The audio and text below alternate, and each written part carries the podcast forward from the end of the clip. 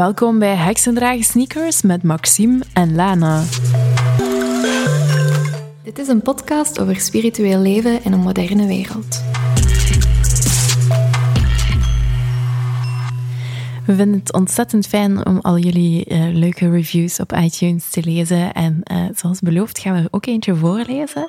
De eerste is van Merel en die schrijft: Super interessante podcast met heel wat tips om voor jezelf te zorgen. Zeker en vast een aanrader. Hartelijk dank, Merel, voor deze ontzettend mooie review. Dag Maxime. Hoi Lana. Hoe is het met jou? Va wel. Ik zit in de nasleep van een verhuis, dus het is redelijk veel gedoe. Maar fijn om in een nieuw huis te zitten, fijn om gezetteld te zijn. De poezen doen het redelijk oké. Hoe gaat het met jou? Uh, met mij gaat alles goed. Ik heb een beetje uh, lichte stress, want ik ben een boek aan het schrijven en die deadline komt steeds dichterbij. Dus dat is allemaal heel spannend. Uh, maar ja, ik probeer om zoveel mogelijk mijn routine te behouden en daar op een goede manier mee om te gaan.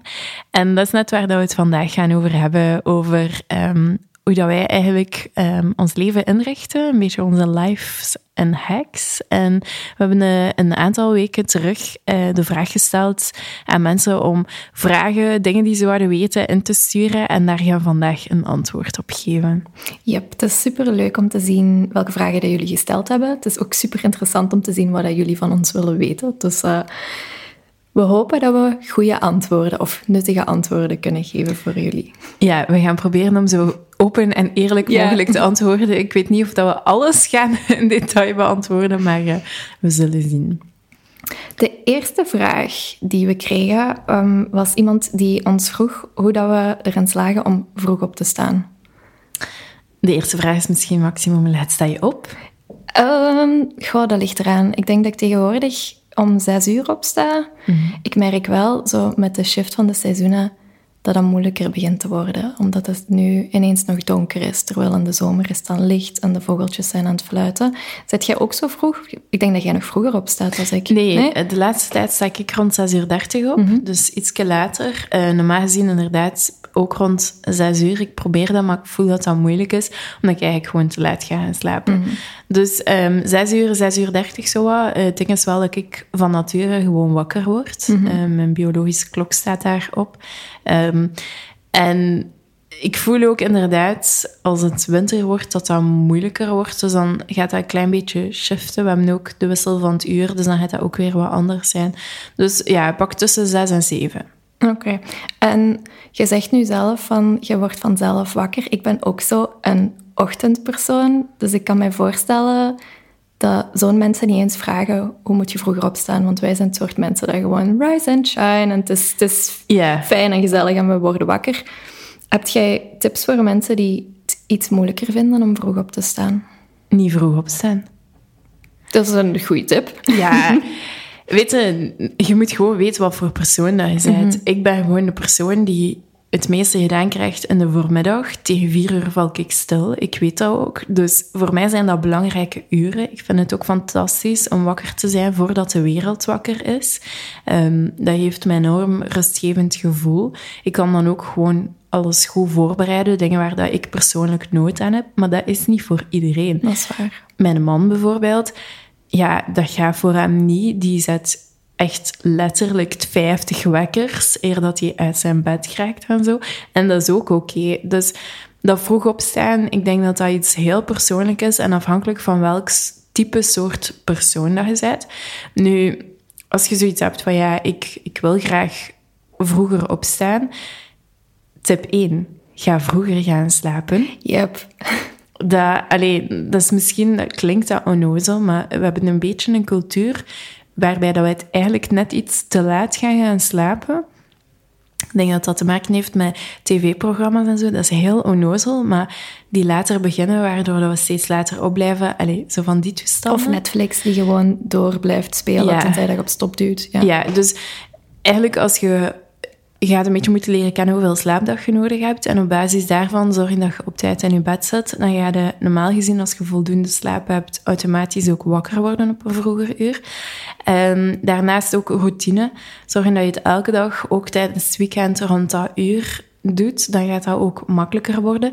En voor mij is het ook belangrijk van als dat de wekker gaat, oké, ik ga misschien heel even blijven liggen, maar er staat geen tweede wekker bij mij.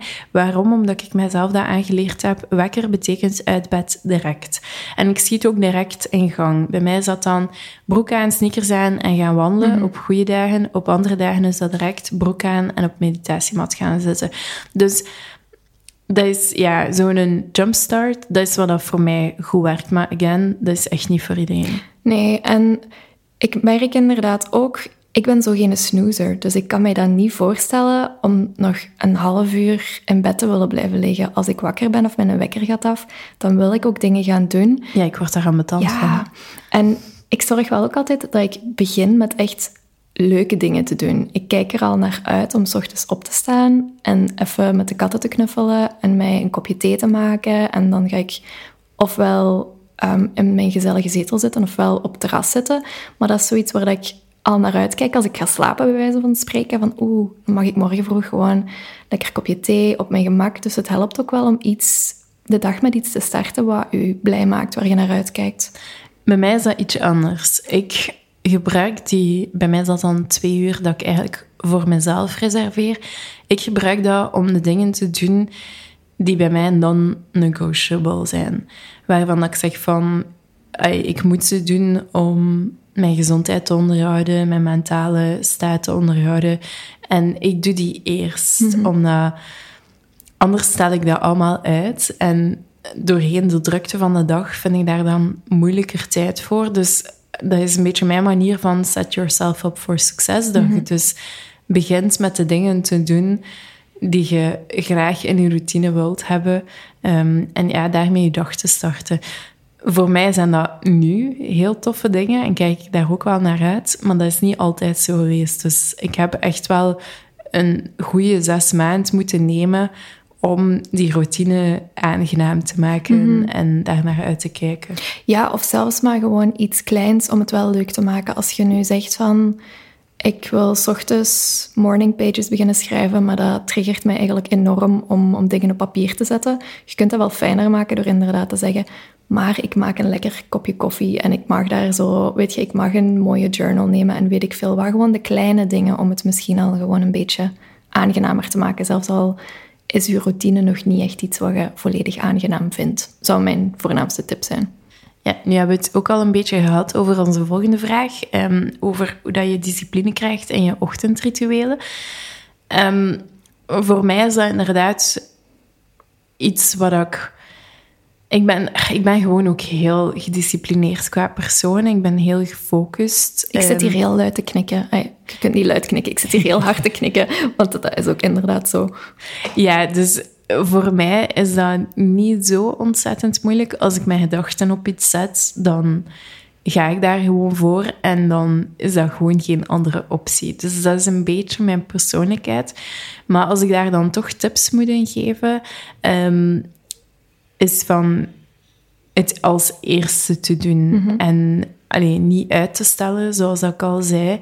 Eh, bijvoorbeeld als je wilt mediteren, echt letterlijk in je pyjama of hoe dat je ook slaapt, kruipt uit je bed en sleept je naar je mat en doet het dan nog voordat je met al de rest begint. Voordat je hoofd kan beginnen Ja. nadenken en allerlei dingen kan tegenwerpen. Ja, wat dat ook helpt is accountability. Ehm, mensen betrekken. Ehm, ik heb dat gedaan door ehm, te beginnen delen op social, op social media. En de hashtag ehm, daily meditation te gebruiken. En het eerste was van ja, doe dat 30 dagen. Ja, als je zo'n uitdaging voor mijn neus legt, ja, dan is dat bij mij karaktergewijs direct zo van oké, we gaan dat hier 30 dagen doen. En eigenlijk als je 30 dagen iets doet, kweekte een gewoonte. Dus het zijn die eerste 30 dagen die eigenlijk het belangrijkste zijn. En als je dat dan deelt, als je daar ja, een uitdaging van maakt en, en daar andere mensen bij betrekt, dan is het ook makkelijker om die eerste 30 dagen te overbruggen. En dan komt die discipline een klein beetje vanzelf. Ja. Wat voor mij ook helpt, ehm, bijvoorbeeld met mijn yoga practice of met mijn meditatie practice, is dat ik het maar vijf minuten van mezelf moet doen. Want vaak vindt ons hoofd het een groot probleem van oh, ik heb geen zin of geen tijd om dit een half uur te doen en als ik het maar tien minuten doe, dan is het niet goed genoeg. Dus mijn regel is misschien veel gezegd, maar mijn idee daar rond is altijd, je gaat gewoon zitten. Je gaat op je matje zitten, je gaat op je mat staan. Je moet hier vijf minuten blijven, dus je kunt even goed iets doen. Doe een zonnegroet, eh, neem een paar diepe ademhalingen. En 9 van de 10, als je dan vijf minuutjes bezig bent, dan zit je in je flow. En dan is je hoofd al wat stiller en dan wilt je gerust wel een half uurtje blijven doen. Maar het ding voor mij is echt gewoon opdagen. Ook op de dagen dat ik veel weerstand heb en geen zin heb. Op zijn minst vijf minuten. En als het daarna nog niet oké is, dan mag ik gerust iets anders gaan doen. Maar dan heb ik toch die stap weer gezet om het die dag wel te doen. Ja, dat is inderdaad een goede tip. Wat ook belangrijk is, is dat je het positieve effect van dingen kan gaan voelen. Mhm. En keer dat je weet van, like voor mij meditatie, ik, ik kan niet zonder, ehm, dat geeft mij zo ontzettend veel. Eén keer dat je dat begint te voelen, ja, als ik dan toch een keer oversla, hetzelfde een beetje eigenlijk met yoga, dan voel ik mij gewoon niet echt. Dat is ook, hè. soms moet je eens een keertje het skippen of eens een keer echt geen tijd hebben om te beseffen van, oh, ik voel mij eigenlijk echt wel beter als ik dat wel gedaan heb. Ja, en dan is discipline eigenlijk niet meer discipline. Dan is het gewoon zelfzorg of, of dingen die je doet voor jezelf, waardoor dat dan ook wel makkelijk wordt. Want discipline is een, een heel hard woord eigenlijk. Dus ja, ik denk, probeer daar ook een beetje zachtheid te brengen en gewoon dingen te doen voor jezelf. Een andere vraag die we daar ook rond krijgen is hoe dat wij omgaan met eh, sociale media en de prikkels daarvan, terwijl dat je eigenlijk misschien aan het mediteren zou het kunnen zijn, zou het willen zijn, maar dat je toch aangetrokken wordt door je telefoon. Ja. Ehm, voor mij is dat ehm, ook terug... Ik heb redelijk wat discipline, dus ik heb niet superveel moeite daarmee. Wat dat niet wil zeggen dat er niet periodes zijn dat ik het daar moeilijk mee heb, maar ik, ik zorg gewoon dat er bepaalde grenzen zijn. Um, zo heb ik eigenlijk op al mijn social media apps de notifications uitgezet. Dus um, ik, heb, ik gebruik andere apps om te communiceren met mensen die, ja, waar dat ik echt mee moet communiceren of waarbij dat ik moet weten dat ze mij iets willen sturen. En daar staan de notifications van aan, maar van al de rest staat alles uit. Dus dat is punt 1. Punt 2, uh, eh, mijn gsm ligt niet naast mijn bed. Um, dat is denk ik ook een belangrijke. Uh, dat lukt niet altijd. Mm -hmm. Soms neem ik hem wel mee. Um, maar ja, ik heb dus ook een wekker en niet mijn en gsm. gsm ja. die, uh, dus dat is ook nog iets dat, dat kan helpen. En dan tenslotte, um, dat gaat niet zozeer over social media, maar dat is ook een deel van mijn ochtend dat ik probeer te doen, is dat ik niet begin te werken voor negen uur. Mm -hmm.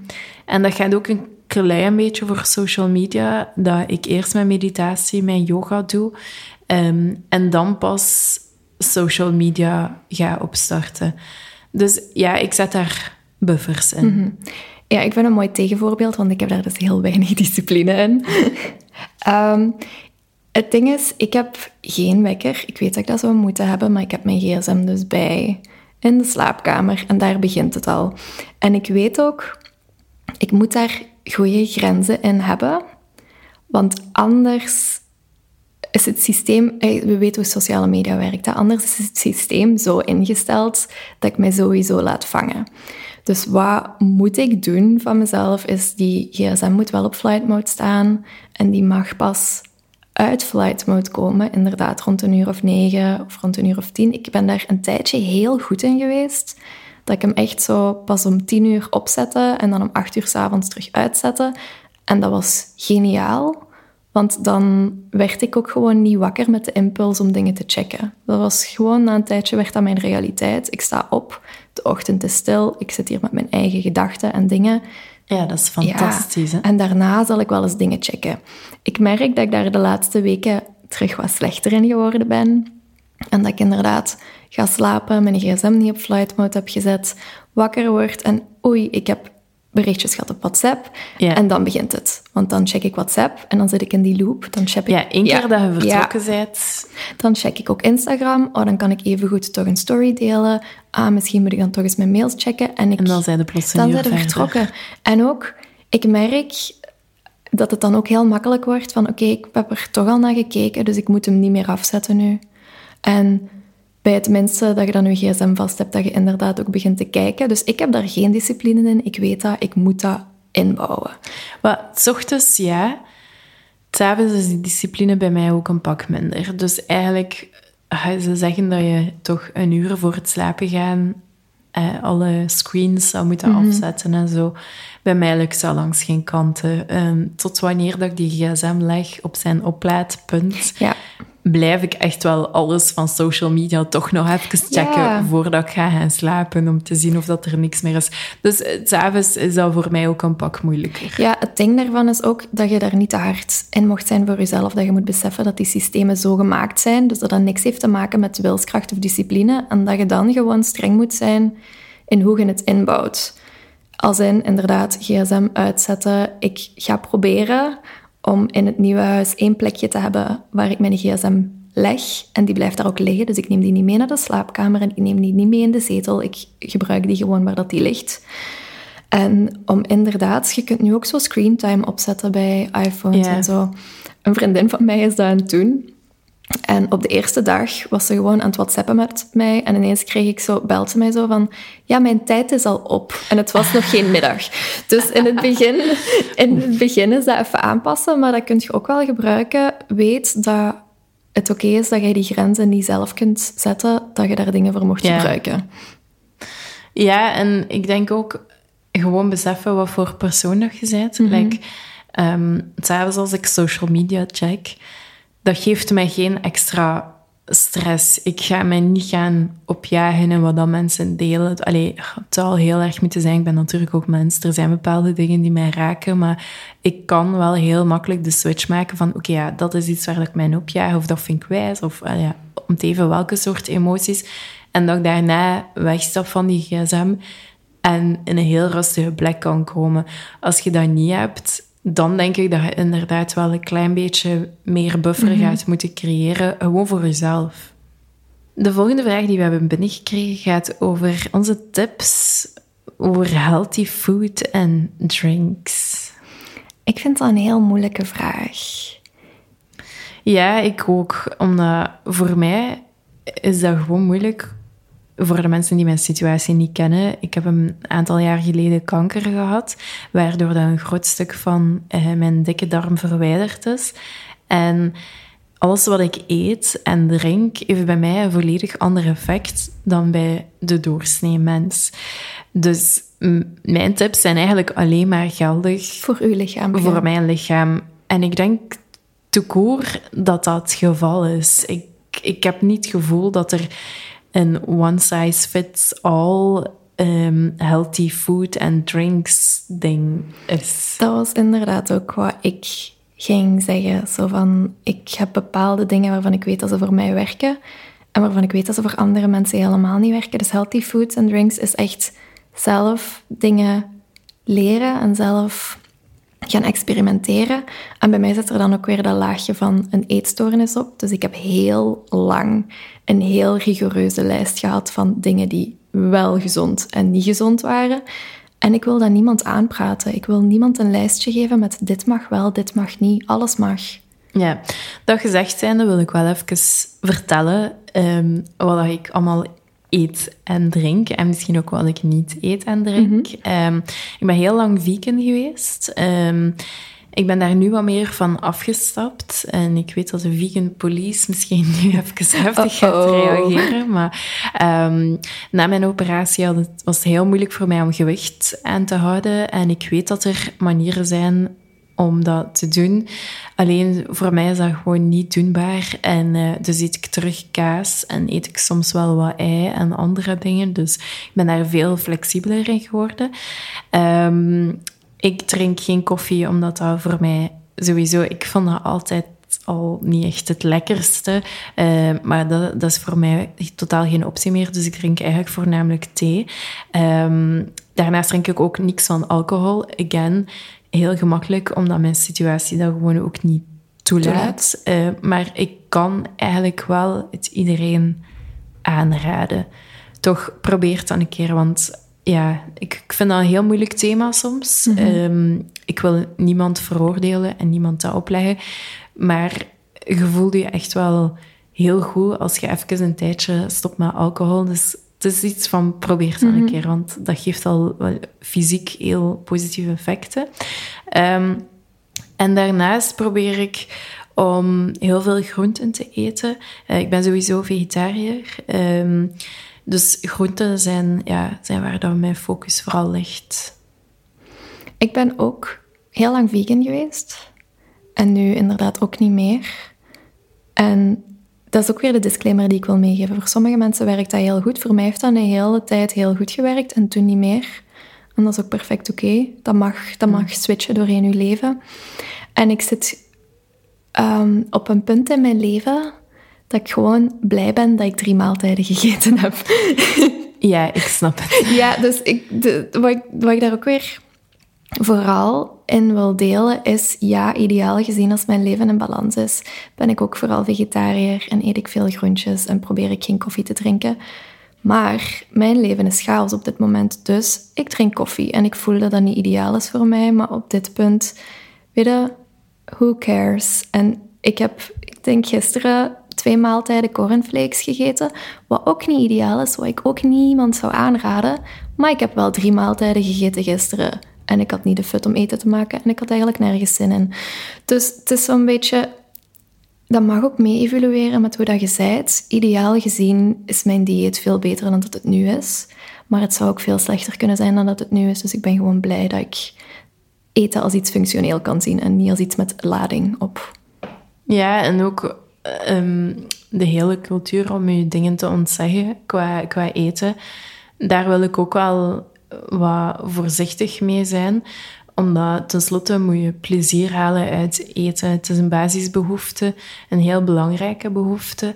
En ik denk dat geluk nog altijd primeert dan effectief heel uh, rigoureus gaan, gaan letten op alles wat je eet. Dus voor mij is dat ook wel belangrijk. Een van mijn teachers zegt ook altijd, die, die is echt super veganistisch. En ehm, zo heel...